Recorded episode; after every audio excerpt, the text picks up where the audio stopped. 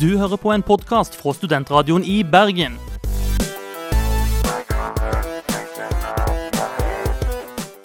Denne og mange andre flotte podkaster finner du på podkast.srib.no.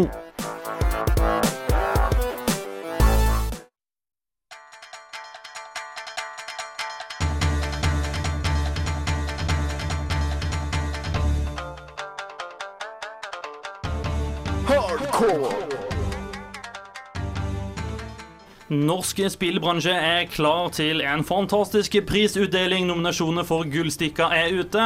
Dette og veldig mye mer skal du få høre i dagens Hardcore-sending, spillmagasinet på Studentradioen i Bergen. Våre eminente medarbeidere har bl.a. sett på Crisis 2 og Fight Night Champion og kommer til å anmelde disse. Hva annet, Unn? Jeg har anmeldt Nintendo Dogs pluss Cats. Og så skal Lars se nærmere på hvorfor folk egentlig kjøper Final Fantasy fremdeles. I tillegg så skal vi eh, innom eh, se litt på spillskapere. Eh, hvem er det egentlig som står på toppen bak spillene, og hva er deres rolle i spillutvikling? Og vi skal også innom homofili, som skaper opprør i fantasyverden. Mitt navn er Marius Kjørmo. Jeg er Tormund Husebø. Og jeg er Unn Thorsen.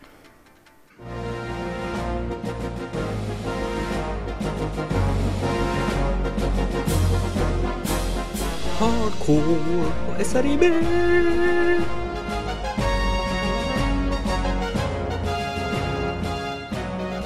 Vi synger også litt rare sanger i dusjen. Vi synger masse rare sanger i dusjen her i Hardcore, men noe annet vi også gjør, er å gi bort spill. Og denne uken er det eh, tennisspillet Toppspin 4 til Xbox 360 som eh, vi deler ut til dere. Og hva er det vi spør om, Tormod? Da spør vi rett og slett hva for et sportsspill du kunne lett ødelagt med å eh, gi det Connect-støtte. Med det mener vi altså hvilket spill kunne, kunne spillmekanikken og selve spillets rettferdighet hvordan ville det da falt i grus på grunnlag av å gi det Kinect-støtte? Ja, for Topspin 4 det har jo ikke støtte til Kinect. Eh, på PlayStation-utgaven har støtte for Move, men utviklerne har av en eller annen grunn funnet ut av at det skal ikke støtte Kinect. Og vi mistenker kanskje at en av grunnene er nettopp at da kunne spillet blitt eh, ødelagt. Uh, Unn, har du noen gode forslag til spill som du lett kan ødelegge med å slenge inn på masse waving? Uh, Football Manager er jo ikke et spill som man kan spille med Kinect. Det er jo Hva skal man gjøre da? Jeg ser for meg litt sånn Minority Report. Uh, mm. Du er Tom Cruise uh, som manager et eller annet fotballag og står og peker og drar og styrer og steller. Men det blir mer dansespill ja, med fotball. Dansespill. Ja, dansespill med Tom Cruise? Nei. Uansett, har du et godt svar på konkurransen vår, så sender du en e-post til hardcore.srib.no. Merk e-posten med konkurranse, og få med navn og adresse, så kan du bli den heldige vinner av Toppspinn 4 til Xbox 360.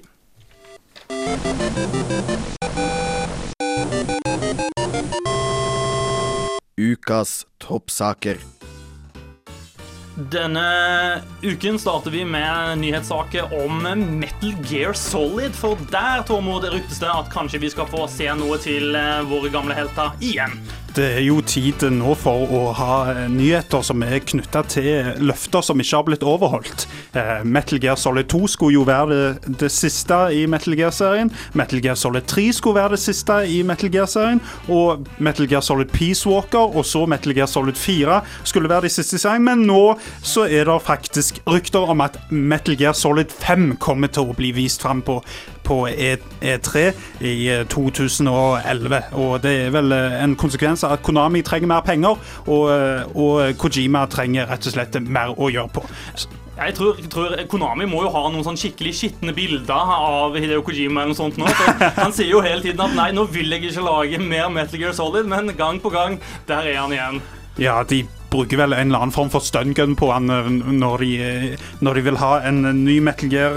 Uh, installment. Og det er rett og slett eh, tid for å glede seg til et nytt Metal Gear igjen. Eh, men dette er nå selvfølgelig bare rykter. Men i det siste spesielt så har en jo eh, egentlig fått bevist gang på gang at rykter som kommer opp om diverse PS3 og Sony-rykter, er rett og slett helt sant.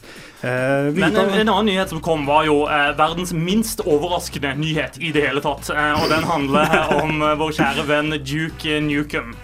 Duke Nukem eh, har jo eh, helt siden eh, jeg så første traileren i 1999, var det vel, på Tips og Triks sin første CD-rom, så har vi gleda oss til Duke Nukem Forever. Og vi har blitt skuffa gang på gang at jeg har faktisk ikke lyst til å lage en vits om hvor mye vi har blitt skuffa. Men nå har altså Gearbox, de som utvikla Borderlands, de har jo påtatt seg ansvaret på å få dette spillet ut i butikkhyllene.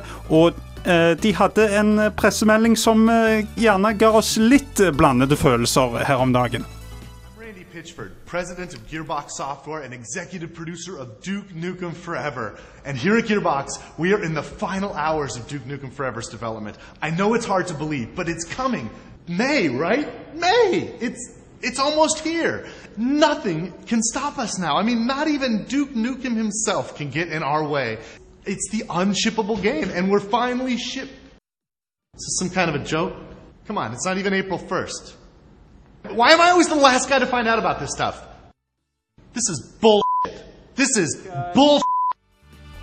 Ja, med andre ord, Duke Nukem Forever er utsatt nok en gang, og det var ikke spesielt overraskende der, altså. Vi får smøre oss med tålmodighet som vi har gjort eh, siden vi ble født, eh, omtrent. En annen eh, spillserie som vi kanskje skal få se mer av, det er Resident Evil, og hva er det vi har fått høre derfra? Um, det skal komme to nye spill. Um, Yay. et remake, eller to remake. Ra Raccoon City, som er um, Nei. Ja, Raccoon City er vel eh, å si, den, det nye Resident Evil-spillet som vi skal få presentert. Eh, Det har jo strengt tatt egentlig ikke kommet et skikkelig Resident Evil-spill siden Resident Evil Code Veronica. Eh, Resident Evil 4 var jo for så vidt et slags Resident Evil-spill, men hadde faktisk ingenting med den originale settingen å gjøre, bortsett fra at én karakter ble brukt. Og eh, Resident Evil 4 og Code Veronica kommer faktisk som remakes i en slags HD collection, som jeg selvfølgelig gleder meg til. Jeg har spilt gjennom begge de spillene mange ganger, og gleder meg selvfølgelig til en gang til å måtte kjøpe disse spillene. Eh, og eh, vi har jo òg fått rykte om denne her Raccoon City, og nå har disse ryktene materialisert seg til en pressemelding som sier at vi kommer til å få et gjensyn med Raccoon City som hele egentlig Resident Evil-serien eh, omhandler. Eh, en spiller da den andre siden av Resident Evil-historien med at du er faktisk bad guyene som skal ut og drepe de menneskene som prøver å sabotere dette prosjektet. Med andre ord, eh, elsker du Resident Evil der ute, så ta det med ro. Det kommer nok ting du skal få kjøpe etter hvert. Eh, Noe annet enn Resident Evil-ting som folk er altfor alt for glad i å bruke sine vel oppsparte sparepenger på, er remakes av Final Fantasy. Eh, Og vi har et medlem i vår redaksjon, Lars Solbakken, som er blant de mange som bruker altfor mye penger på det. Og ja, han, han skal prøve å gi deg en forklaring på hvorfor han velger å gjøre akkurat dette om og om igjen.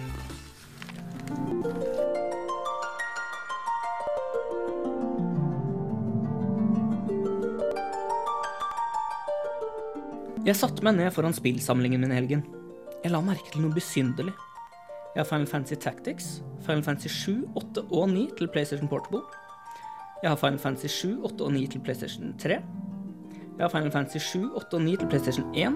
Final Fantasy 3 og 4 samt Krono Trigger til Nintendo DS. Jeg har Final Fantasy 1 og 2 til Gameboy Advance og iPhone. Jeg vurderer også å kjøpe nyutgitte Final Fantasy 3 til iPhone. Hadde det ikke kosta 89 hele kroner, og jeg for tiden lever på et stramt budsjett. I tillegg til dette kommer Final Fantasy Tactics til iPhone til våren. Og sannsynligvis er det også fryktelig dyrt. Men jeg kommer jo til å kjøpe det. Alle som kjenner Square Enix, vet at de er verdensmestere i kumelking. Ikke bare er de flinke til å lage spin-offs fra populære titler. De lager også oppfølgere, forløpere, alternative historier, og til slutt gir de ut originale spillet på nytt. Min beste sammenligning utenfor spillverdenen må kanskje være den norske bokbransjen, som kommer med nyutgivelser av bøker bare for å holde prisene oppe. Square Enix melker den metaforiske kua for det den er verdt, og mer. Nå er det ikke lenger melk som drypper ut av hjulene. Det er blod.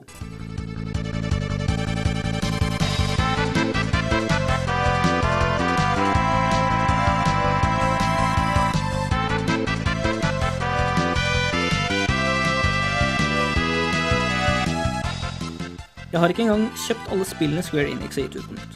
Det er for mange. Final Fantasy 1 er utgitt på åtte forskjellige plattformer, Final Fantasy 2 utgitt på syv, Final Fantasy 3 er utgitt tre ganger, Final Fantasy 4 blir utgitt for syvende gang nå snart, nummer fem i serien har blitt sluppet tre ganger, det samme Final Fantasy 6. Final Fantasy 7, 8 og 9 er i tillegg utgitt på PlayStation Network på PS3 og PlayStation 1.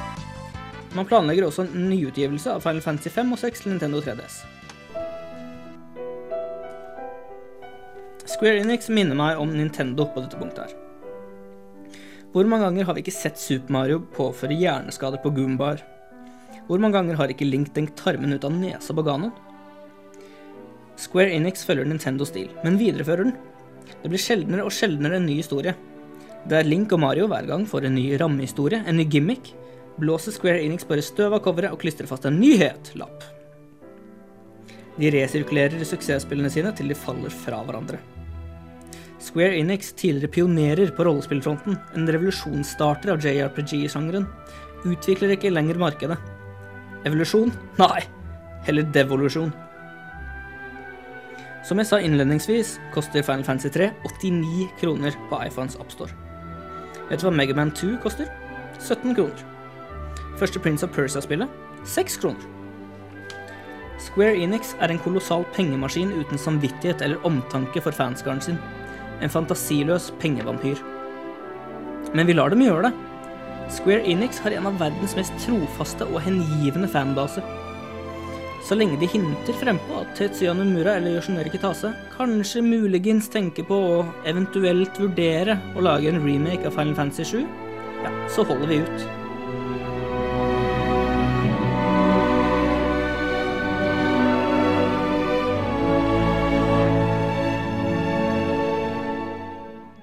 Vi Final Fantasy-fans er en gjeng naive idioter som kjøper alt Square Enix spyr opp. Meg selv inkludert. Er det nysgjerrighet som driver meg? Tenker jeg, ja, la oss se hvilke ansiktsløft spillet har fått siden i fjor. Eller er det kjærlighet? Tenker jeg, åh, jeg har savnet å styre Lunes. Eller er det rett og slett tankeløshet? Jeg, skal, jeg tenker ikke. Jeg ser noe kjent og trykker umiddelbart på kjøp, før jeg rekker å angre.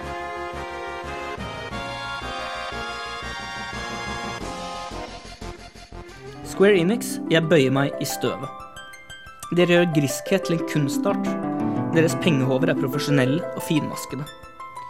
Men på den annen side, med den dalende kvaliteten på nye spill fra Final Fantasy-fronten tatt i betraktning, er remakes kanskje den eneste rette veien å gå.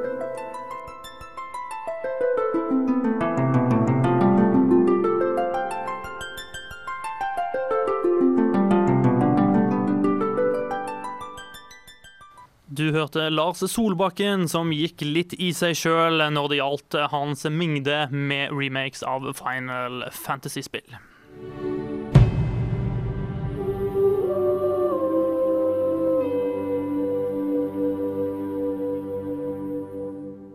Som nevnt innledningsvis eh, i går, så fikk vi ut eh, de nominerte til Gullstikka eh, 2010. Altså norsk spillbransjes eh, utdelelse, prisutdelelse til eh, alt som kan krype og gå av spill.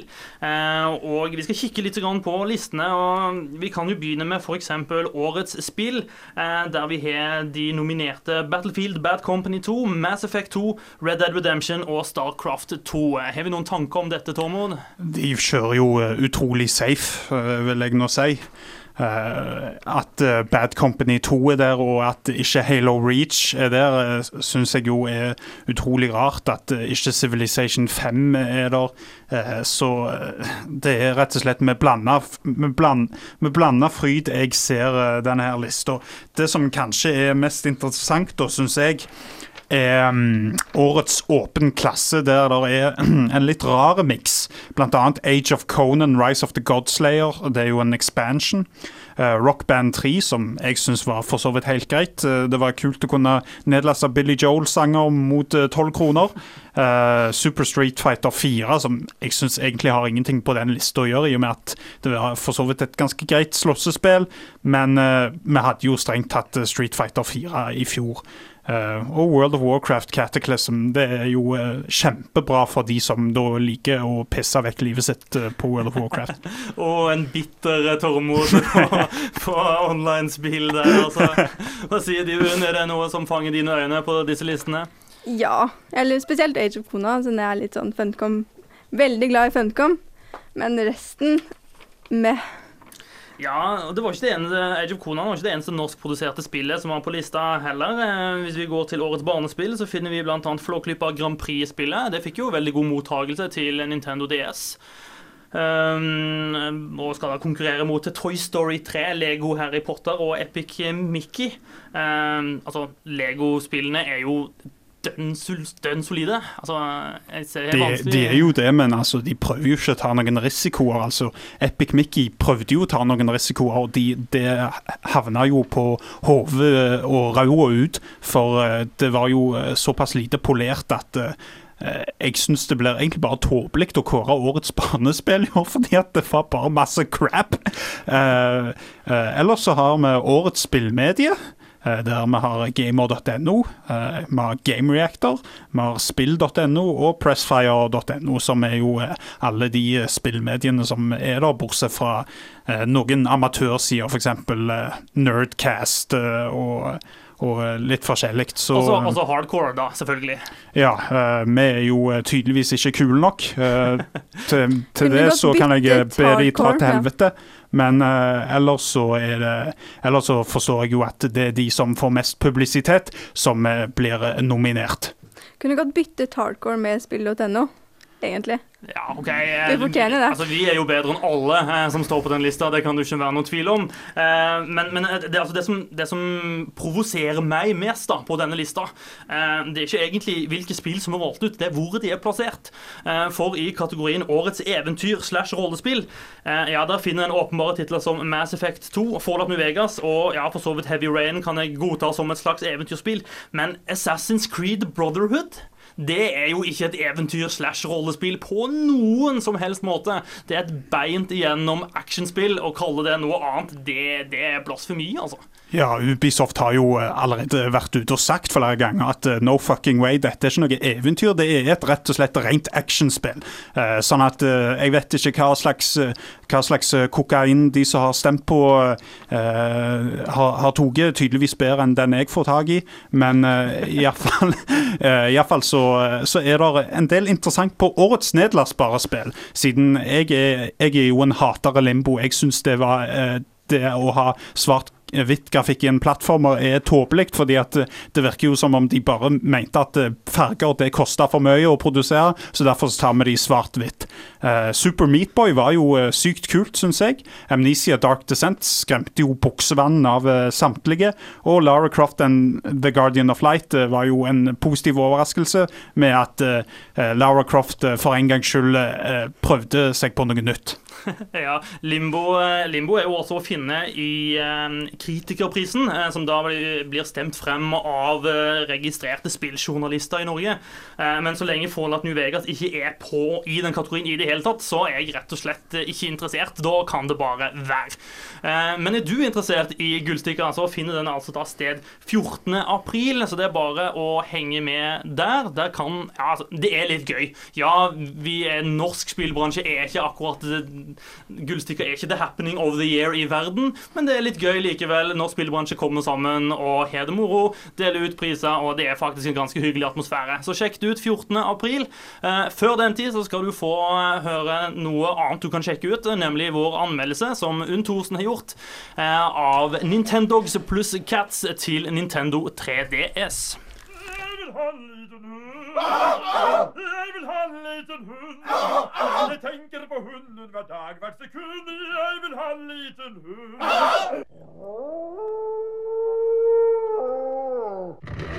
Finnes det noe bedre enn å leke med virtuelle hunder og katter og trene dem på alle slags mulige måter, selv om du ikke rører deg fra godplassen i sofaen? Ikke vet jeg.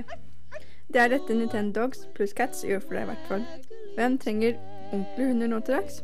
Og med AR-kortene kan du holde og på en måte klappe dyret i virkeligheten.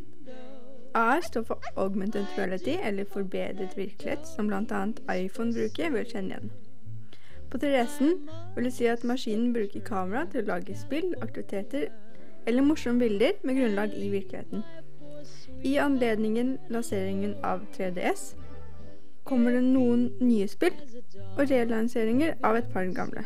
Nintendo Dogs pluss tilhører gruppen til den sistnevnte. Spillet er kort sagt du som leker og styrer med din virtuelle hund eller katt som om det skulle vært ekte. Det er så virkelighetsnær som du kan få på håndholdt plattform. Spillet starter med en tur til kennelen, hvor du velger en hund mellom ni forskjellige virkelig søte hunderaser, og ender opp med en vilter valp med deg til et virtuelle hjem. Vel hjemme begynner du å leke med den til den stoler på deg, og du kan velge navn til den. Så begynner mora, eller alvoret om du vil. Du begynner med treningen og lærer valpen din triks, som sitt, ligg osv. Altså de standard hundetriksene. Men siden Nintendo Dogs pluss Cat skal være så realistisk, kan du ikke lære hunden din mer enn tre triks om dagen, eller delta i hver type konkurranse to ganger daglig. Du kan heller ikke spille eh, på kvelden eller natten, for da må hunden din sove. Noe som er et slags hint til hva slags målgruppe spillet har. Barn må òg sove på natten. Nintendo Dogs pluss Cats minner om Tamagotchi som jeg vokste opp med. Du må passe på hunden din som om den var ekte. Du må mate den, gå på tur med den hele tiden. Kose og leke med den for at den skal bli glad i deg. Med tanke på alle disse faktorene må spillet være veldig langtekkelig, og svært få spiller det ferdig. Hvis det i det hele tatt er en ende på det. Målet må vel eventuelt være å vinne alle konkurransene. Konkurransen er altså spillets pengeskilde, så hvis du ikke konkurrerer, har du ikke råd til å kjøpe mat til dyrene dine. Jeg har prøvd ett av de tidligere spillene på DS, Nintendogs Labs and Friends, og det er klart noen forskjeller. Noen forbedringer, og kanskje noen endringer til det verre. I motsetning til det tidligere spillet, så skal stemmegjenkjennelsen angivelig være bedre. Dette er noe jeg ikke har lagt merke til. Hunden vil aldri høre på meg. Turruten er også forandret fra det forrige spillet jeg har prøvd. Der bestemte du konkret hvilken rute du og hunden skulle gå, og om det skulle innom et treningssenter eller hundepark. Inne i Nintendogs Buscats er det ganske tilfeldig hvilken rute dere går, og om dere kan gå innom f.eks. parken. Du kan ikke spesifikt velge parken eller treningssenter. Du må være heldig om du ender på riktig rute for å gjøre det. Og selvfølgelig 3D-effekten i spillet. Noe jeg syns ikke fungerer i det hele tatt. Bildet blir bare dobbelt i mine øyne.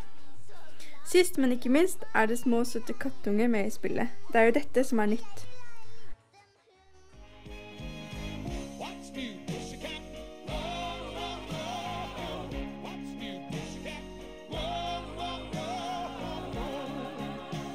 Så katter er med i Nintendogs.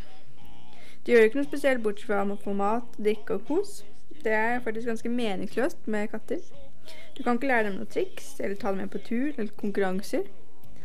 Men de er jo søte, da. Nintendogs pluss Cats er det perfekte spillet for de små som ønsker seg en hund eller katt som de aldri kommer til å få. Og hvis du syns at selve 3D-effekten ikke er bare irriterende, så for all del, kjøp dette spillet hvis du har lyst på en hund som elsker deg hengivent når enn du måtte ønske. Det var Unn Thorsen som slengte en brannfakkel inn i debatten om hva er best, hund eller katt.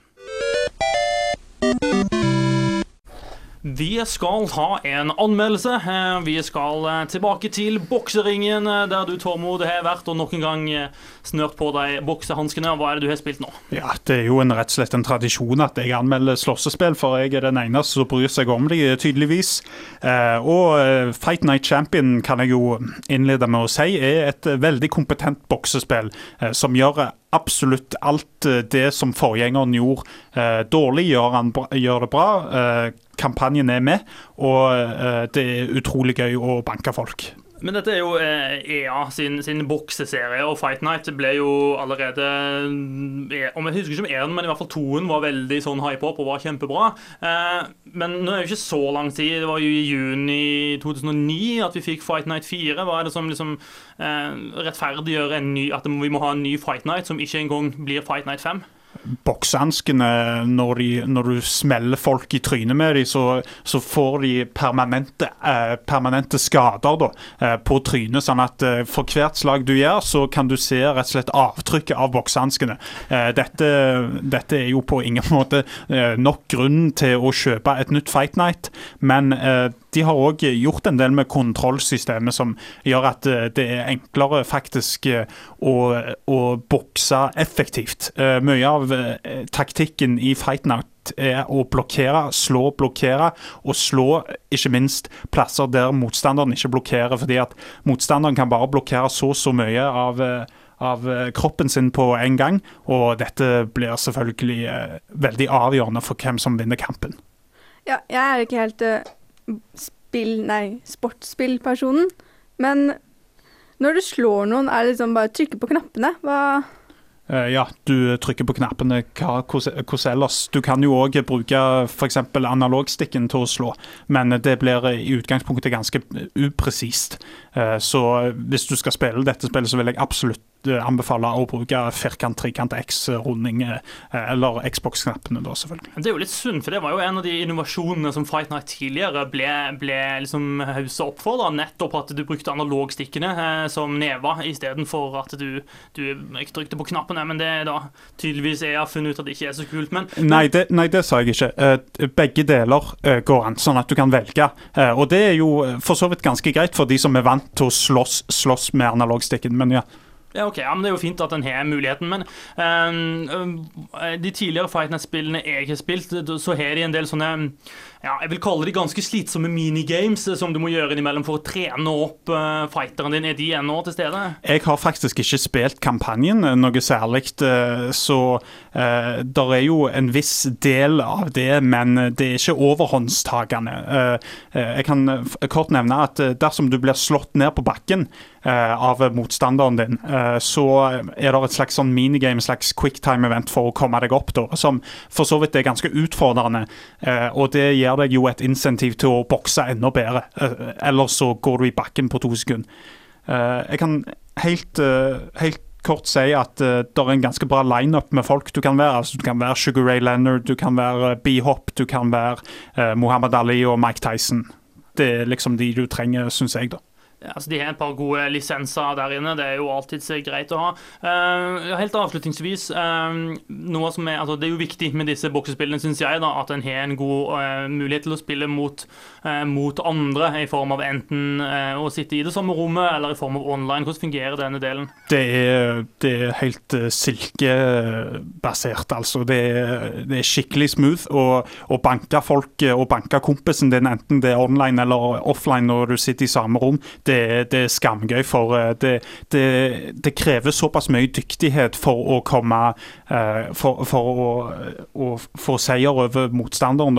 Uh, Det er ikke bare sånn som i Tekken, spesielt å bare button-mashe. Du må faktisk være flink for å kunne slå noen ned. Med mindre det er enda vektbalanse, at noen er middleweight og noen er super heavyweight. Ja. Så Fight Night Champion er rett og slett gøy. Det er gøy hvis du har noen å spille med. Ellers eh, så kan du egentlig bare fortsette å spille Fight Night Round 4, men eh, dersom, dersom du liker Fight Night, så vil jeg absolutt plukke dette her opp. Eh, fra en tungvekter til en annen. Vi skal til vår medarbeider Johan Lavrans Greif. Eh, han har sett litt nærmere på spillbransjen, og mer spesifikt på eh, disse kjente spilldesignerne som vi kjenner så godt. Eh, og han, han lurer litt da på spørsmålet hva slags rolle har egentlig den enkeltpersonen, den enkelte spilldesigneren, eh, i prosessen å lage et spill? Hva kan gjøre spillindustrien enda bedre? Mere vold? Everybody was kung fu. Mere pupper? I mean, I know I woke up this morning and I felt like like my boobs were bigger. I mean, do they look bigger to you? what? Mere banning? Oh, fuck yourself! You shitpiles give chase, I will kill your dicks! Flere Space Marines? You're gonna kill my dick? Well, I'll kill your dick. Speaking of dick killing parties, What the? Eller en større vekt på personlige fortellinger og mer makt til spillskaperen. David Cage, mannen bak Heavy Rain, har nemlig tatt til orde for at auteuren skal få en større plass i spillindustrien. Begrepet auteur er et begrep fra filmteori, og fokuserer på regissøren sin betydning for en film. I filmens verden har de fleste hørt om navn som Stanley Kubrick, Steven Spielberg og Woody Allen. De her folkene har opparbeida seg en sånn status at de kan bestemme nærmest alt over prosjektet de er en del av. Det er det her vi trenger mer av i spillbransjen, sånn at vi kan bli fortalt et større mangfold av historier, sier David Cage. De fleste i vår generasjon har ikke vært i krigen, sier David Cage. Vi bør istedenfor fortelle historier om våre egne liv. Heavy Rain tok f.eks. utgangspunktet i en situasjon der Cage ble adskilt fra sønnen sin og den frykten han da følte. Senere i spillet tar Heavy Rain for seg temaet de fleste av oss ikke opplever, sånn som f.eks. mord. Og det er naturligvis nødvendig. Spill som handler om å gå på jobb, sove og spise, ville ikke hatt ubegrensa kommersiell appell. Se det for deg. Fra skaperen av 'Jeg kom for sent til jobben i dag' kommer 'Søndag er klesvaskedag', og etterpå skal jeg se en film på TV. Nei, nå er jeg usaklig. Men hvis flere spill tar like store sjanser som Heavy Rain, vil historiene spillbransjen forteller, kunne løfte seg flere hakk. Et interessant poeng David Cage kommer med, er at ingen gode historier er skrevet av team. De er skrevet av enkeltpersoner. Dette er muligens sant når det gjelder bøker og film, men jeg er ikke helt sikker på om det er riktig i ikke-linære spill som Mass Effect og Oblivion. Der er det nemlig så mye tekst at det skal vanskeliggjøres at én person skal stå bak alt sammen. I linære, historiedrevne spill à la Heavy Rain ser jeg imidlertid poenget. Og hvorfor ikke kombinere alt sammen? Pupper, vold, Space Marines og seriøse, gode historier i én og samme pakke. Jeg ser frem til Duke Nukem Bullet Halo Talking About Feelings Edition i løpet av neste år. Men ikke minst ser jeg frem til hva David Cage serverer oss gamere etter godbiten Heavy Rain.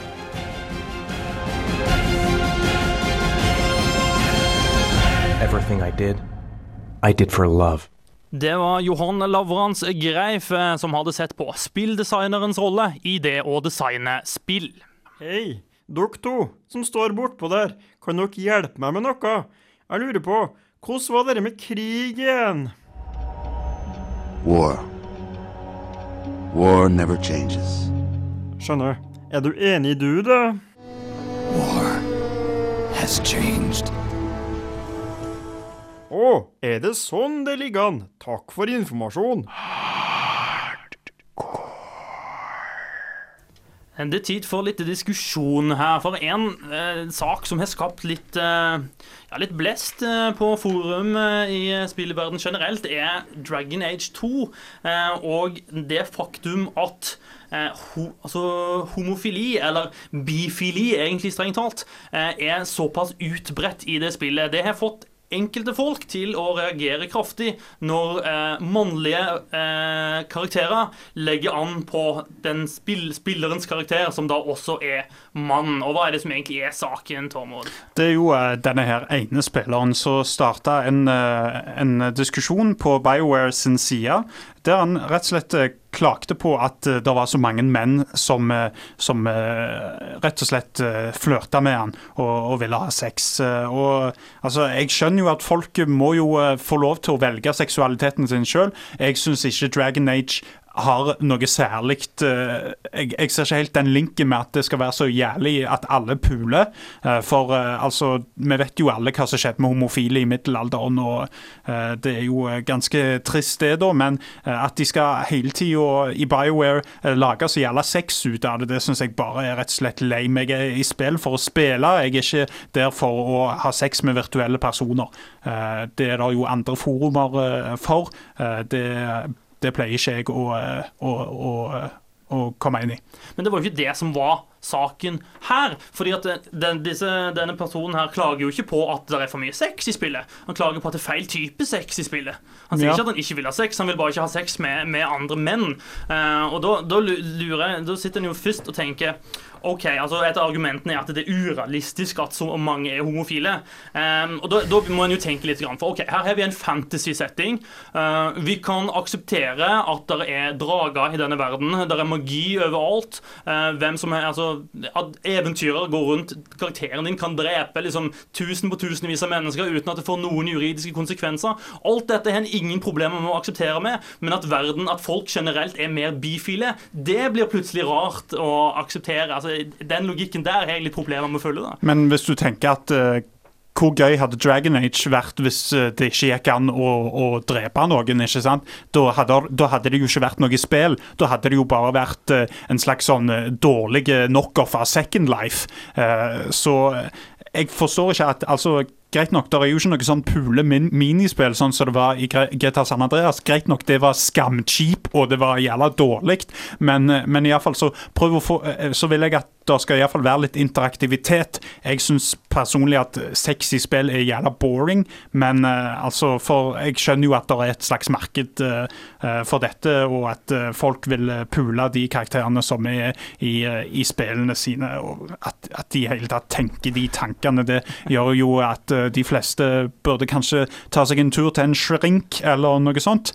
Så Ja, Sex selger, Tormod, det må du bare innse. Men, men jeg vil gjerne ha et, et kvinnens, en kvinnes perspektiv på dette her. Unn. Hva, hva tenker du om denne debatten? Eh, akkurat det samme som BioWare svarte til denne personen. Get over it. De, eh, de har jo sex med kvinner òg, tror jeg. Har de det? Ja da, ja da. Ja, så hvorfor ikke menn og menn?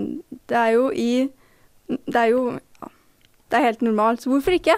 Ja, og det er jo eh, også kvinner som har sex med kvinner. og- Men det var det ikke noe, noe klage på. Nei, nei, Eh, fordi at det, det er det jo visse grunner til, da. Men eh, kan jo tenke hva slags følelser som går gjennom hodet på, på de mennene som, eh, som sitter og så ser at uh, main-karakteren blir ja, uh, oppi rumpa. Sånn at eh, det, de, de, følte, de følte nok en slags avsmak av det, og det, det er greit nok. eh, Så eh, kanskje vi, vi skal innføre en eh, Don't be gay-knapp i alle spill. Eh, men da kan du bare spille kvinner, for ja. Ja, Men uh, mange vil jo ikke spille kvinner. Det er jo det som er hele poenget, da. Men du må jo ikke ha sex med menn i dette spillet. Det er jo valgfritt. Du kan jo si nei. Og for det andre, det er jo ikke spesielt eksplisitt, disse scenene. Det er tross alt bare to folk som kysser, og så forsvinner de inn på Mm, yeah. The camera's panning over, but here's all the action. Den gode, gode gamle Hollywood-løsningen fungerer alltid. Mm. Uh, uansett, åpenbart et litt kontroversielt tema, men jeg mener nå i hvert fall at det, det framstår som litt eh, intolerant da, å si at vi skal ha en, en homofi ingen gay, no gay-knapp. Uh, det syns jeg virker Ja, det, det er litt over streken. Um, er du interessert i veldig macho eh, mannfolk, da er kanskje Crisis 2 eh, spillet for deg. Det har i hvert fall Vegard Flobakk anmeldt for oss, og du får høre her nå eh, hvor macho disse mannfolkene er. Welcome to the future, son. Welcome to the war. Oh, yeah. One last wish. Endelig er Crisis 2 her. Endelig kan jeg igjen bli en supersoldat som springer rundt og gjør de utroligste ting. Dette er det spillet jeg gleder meg mest til så langt i år. Særlig historien har jeg sett fram til, siden jeg syntes forgjengerne Crisis og Crisis Warhead hadde godt fortalte historier. Riktignok var de spillene litt kort, men samtidig ble ikke ting drøyd ut unødvendig lenge. Det var action hele tida, og man skjønte hele tida hvor man var på vei hen. Akk, så vel er det ikke i Crisis 2. Det hele begynner med at du og en del andre marinesoldater skal inn i New York og redde ut en forsker. Byen er nemlig i unntakstilstand etter at en merkelig sykdom bryter ut. Selvfølgelig går ikke alt etter planen, og ganske kjapt er du plassert i nanodrakten, som er spillets gimmick. Drakten gjør deg raskere, sterkere og kan til og med gjøre deg usynlig om du trenger det, og det er ganske hendig når du skal slåss mot korrupte private militærorganisasjoner og romvesener. Haglekulene rundt deg, rustningfunksjonen gjør at kulene preller av, i hvert fall en kort stund. Står fienden på andre siden av bilen, da kan du sparke bilen rett på dem. Skulle gjerne sluppe å bruke tid og krefter på å slåss akkurat nå, bli usynlig. Think of it as necessary sacrifice. You lied to us! Perhaps I was economical with the truth, yes. But what choice did I have? Etter hvert utvikler historien seg, og du får vite mer om hvordan ting egentlig henger sammen. Hvorfor er romvesenene her, hva slags superevner har egentlig nanodrakten, osv. Dessverre går du ganske lenge rundt i spillet og bare tar kommandoer fra andre, uten at noe forklares, og det er først midtveis at ting begynner å gi mening. I tillegg er det noen hopp i historien, f.eks. slutter én spillsekvens med at du faller ned av en ganske høy bygning, og neste sekvens starter med at du tar taket på en annen bygning, på andre sida av byen. Åssen det skjedde, og hvor soldatene som jakta på deg, ble av, forklares ikke. Trass de her hullene fungerer historien bra, og selv om det ikke er like mye driv som i Crisis Warhead, så fungerer det, og mot slutten blir det ganske kult. Fuck you, Tin Man!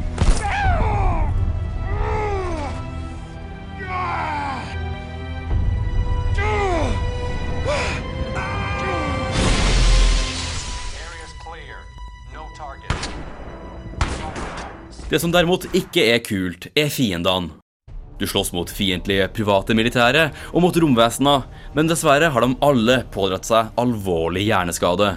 Det er ikke uvanlig at soldatene løper i små sirkler og kaster granater på seg sjøl, og romvesenene, som først og fremst er farlige i nærkamp, tenker alle på å angripe deg sammen, men kommer løpende én og én.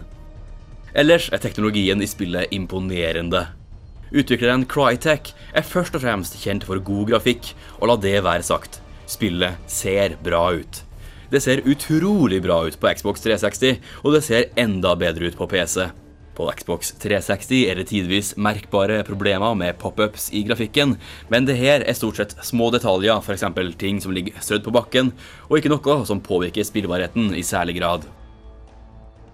Når det så er sagt, så er det ett annet stort problem med Crisis 2. Spillet foregår i New York, og selv om det jo er gøy, så er det langt mindre spennende enn de forrige spillene, hvor du hadde en hel tropisk øy å boltre deg på. Spillet har mye tydeligere begrensa friheten til den som spiller, og selv om de ulike utfordringene kan løses på ulike måter, skyt art som rører seg, snik seg rundt eller en mellomting, så føler man seg styrt i langt større grad enn hva man gjorde i forgjengeren.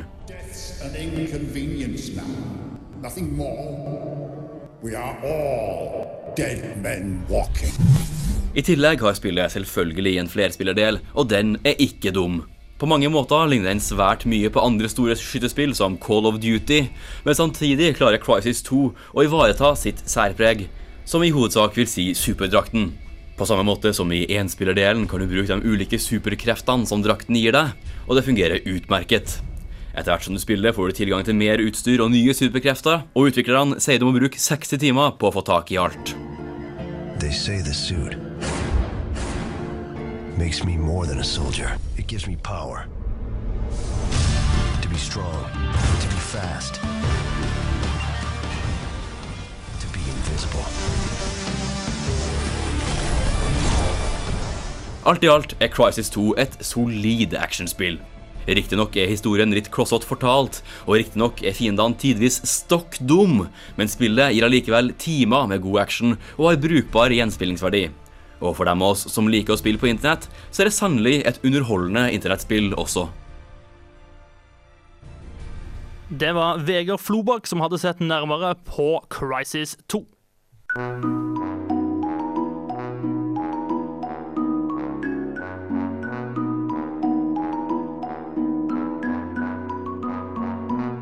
Det nærmer seg slutten her i Hardcore, men vi må minne om eh, konkurransen vår, der du kan vinne Top Spin 4 til Xbox 360. Og hva må du gjøre for å vinne den? Ja, det vi spør om, er hvilket sportsspill som blir ødelagt av Kinect-støtten på Xbox. Ja, hva slags sportsspill kan, kan den ødelegge eh, ved å gi det Knect-støtte? På samme måte, eller ja, det er det som er grunnen, da, mistenker vi at det ikke er Knect-støtte til Toppspinn 4. Er du gode forslag, Tormod? Nei, men det jeg har, eh, det jeg har å meddele, det er at eh, dersom du vil være med i denne konkurransen, så sender du oss en mail rett og slett på hardcore1srib.no. Husk å merke med konkurranse i emnefeltet, og, og skriv hvor vi skal sende dette. Altså ditt navn og adresse, og ikke minst svaret. Eh, Vi er sannsynligvis eh, tilbake. Vi er definitivt tilbake neste uke uten eh, en gullstikka-nominasjon. Eh, jeg håper at de som vinner den, de stapper den der. Nei, eh, jeg bare kødder. Iallfall så eh, ses vi da, ikke sant, Marius? Det gjør vi. Vi som har lagd den sendinga, det er vi som har vært i studio i dag. Meg sjøl, Marius Gjørmo. Meg, Unn Thorsen. Og meg, Tormod Husebø. I tillegg har vi hatt hjelp av Lars Solbakken, Vegard Flobakk og Johan Lavrans Greif. Vi eh, takker for oss og minner om at du må fortsette å høre på Studentradioen i Bergen. Rett etter oss kommer de snertne jentene i Dønn i støtet, som tar pulsen på utelivet i Bergen. Så absolutt verdt å følge med videre. Hei så lenge. Hardcore fikk du i samarbeid med GameStop og Gamerskate.com Hardcore!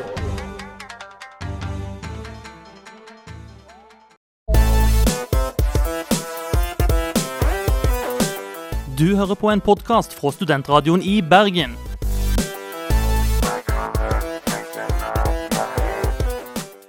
Denne og mange andre flotte podkaster finner du på podkast.srib.no.